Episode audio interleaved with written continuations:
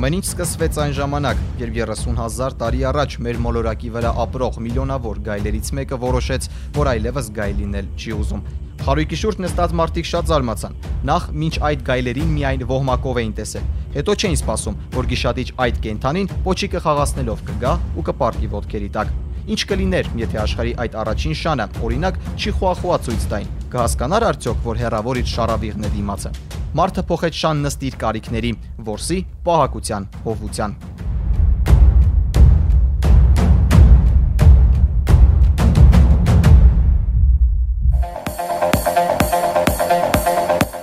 Հազարամյակներ անց կարիքները փոխվել են։ Բարմեն Դավիթ Հարությունյանն իր գործը շատ է սիրում կարող է օրերով չլքել իր աշխատատեղը, եթե շանը չկարոտի։ Դավիթը մի երազանք ունի՝ համատեղել երկու սերերը՝ շանը հետը գործի բերել, ու որ այնպես լինի, որ բարմենի շունը իրեն առնվազն նույնքան օգտակար լինի, որքան ճոբանի շունը ճոբանին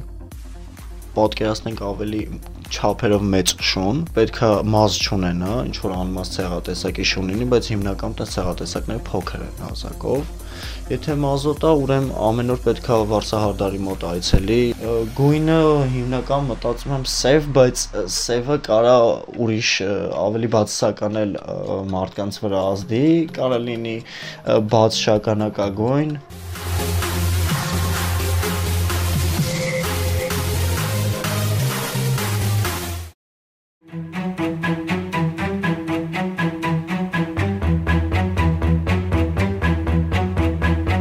Դրոնով նկարահանումը կատարյալ հաճույք է, ինչեւ որ դրոնը չկորի։ Օպերատոր Էրիկ Թովմասյանը երազում է շան մասին, այ որ սորդի շուն ինչպես է խփված բադի հետևից վազում։ Էրիկի շունն էլ պիտի այդպես ընկած դրոնը գտնի եւ բերի։ Ու բնավ ված չէ լինի, որ ձերքի հետ էլ տեսախցիկի մալուխները կարճ տար։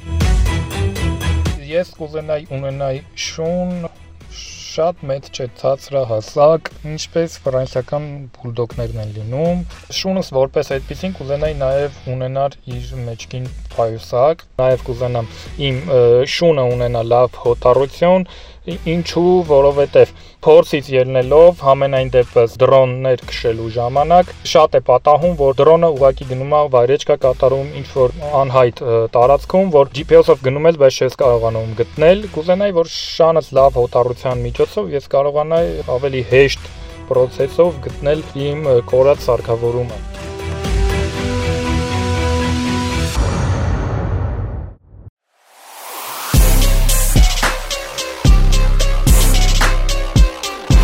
Զևսն ահռելի է։ Չլինի չլինի մի 100 կիլո կլինի։ Ատամները համարյա կոկորդիլոսի ժանիքների չափ։ Հայացքը ահասար սուր։ Մի խոսքով օժտված է Ռոթվելերյան բոլոր առաքինություններով, բայց մի թերություն ունի։ Տերն IT-շնիկ դիզայներ է, իսկ շունն անգամ QA անել չգիտի։ Էլուր մնաց որակյալ customer support-ը։ Լավ կլինի, որ ունենա ինչ-որ մարդկային հմտություններ, ունենա մենեջերի կրթություն, որ կարողանա շփվի հաճախորդների հետ, գործը ներկայացնի իրանց, բնավորությամբ երևի լինի համբերատար աշխատասեր, լուրջ հայացք ունենա, երևի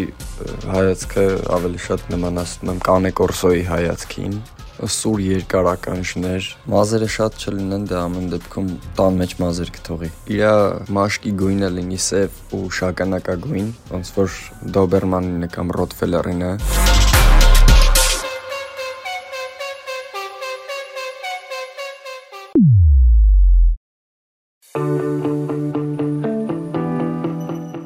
Բարմենաշուն, դրոնաշուն, դիզայներաշուն, հերոսների երազանքները հանձնում ենք մասնագետի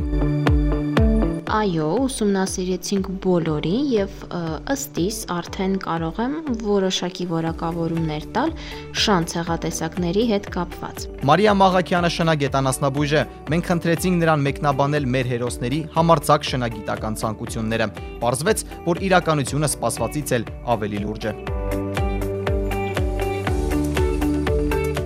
Բարմենի ընտրության մեջ շատ երկմտել պետք չէ։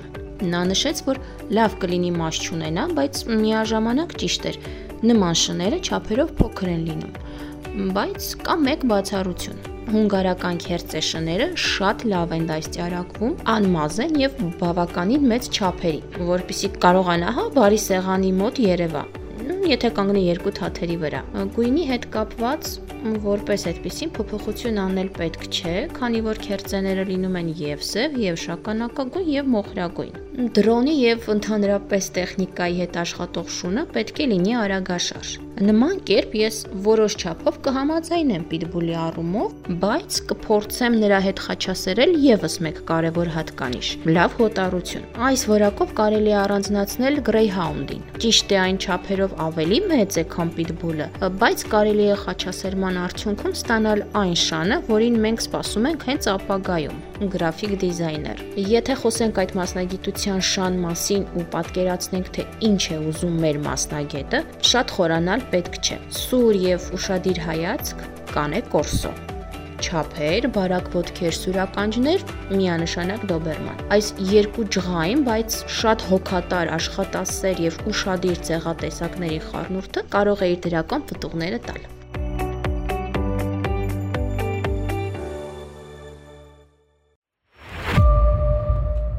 Կա ենթադրություն, որ սելեկցիայի ընթացքում տեսակներն ավելի խելացի են դառնում։ Բարմենաշուն, դրոնաշուն, դիզայներաշուն, նկարչաշուն, կիբերշուն, առաքիչաշուն, TikToker-աշուն ու լրագրողաշուն։ Մի 30000 տարի հետո նրանք գուցե հասկանան, թե ինչ ենք մենք արել նրանց հետ, եւ հազարամյակներ առաջ մարդկանց գերադասած իրենց հերավոր նախնուն հայհոյելով գնան հետ անտառ։